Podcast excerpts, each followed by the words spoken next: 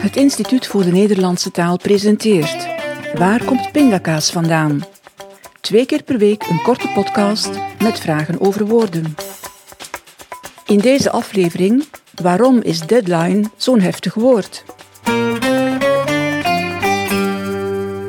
We moeten allemaal weer eens iets afmaken voor een bepaalde deadline. Maar dat woord, deadline, doodlijn, als je het letterlijk naar het Nederlands zou vertalen. Dat klinkt nogal angstaanjagend voor het uiterste tijdstip waarop iets klaar moet zijn. Waarom heet het zo? In deze betekenis van het woord is het voor het eerst gebruikt in de Amerikaanse krantenwereld. Daar is de deadline al heel lang het uiterste moment waarop een journalist zijn of haar tekst nog kan inleveren, om nog mee te gaan in de eerstvolgende editie van de krant. Andere branches gingen het woord al snel op dezelfde manier gebruiken. Ook in andere landen werd dit Engelse woord overgenomen. Het is een term die vandaag de dag in grote delen van de wereld begrepen wordt. In Nederland wordt het soms nog wel eens vertaald naar doodlijn, maar deadline is de gewone term. Er zijn twee verklaringen voor waarom de gedrukte media juist op dit woord kwamen. De eerste, het was drukkersjargon. Bij het zetten van de letters zouden die voorbij deze lijn niet meer afgedrukt kunnen worden. De tweede verklaring is wat spannender en die wordt dan ook vaker genoemd.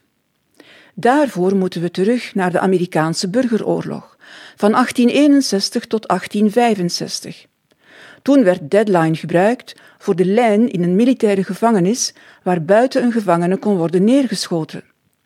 Binnen een gevangeniskamp lag die op ongeveer zes meter afstand van de omheining. Wie de deadline passeerde, werd meteen door de kampwachters onder vuur genomen.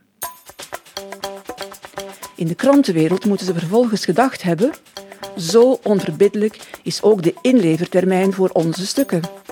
En daarom gaven ze dat de naam deadline. Bedankt voor het luisteren. Mijn naam is Frida Steurs. Ik ben de directeur van het Instituut voor de Nederlandse Taal.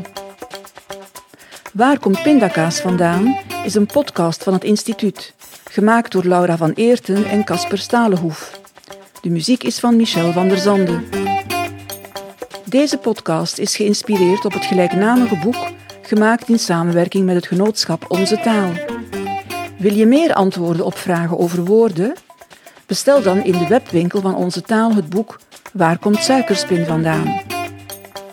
Meer over woorden vind je natuurlijk ook op de website van het Instituut voor de Nederlandse Taal, ivdnt.org.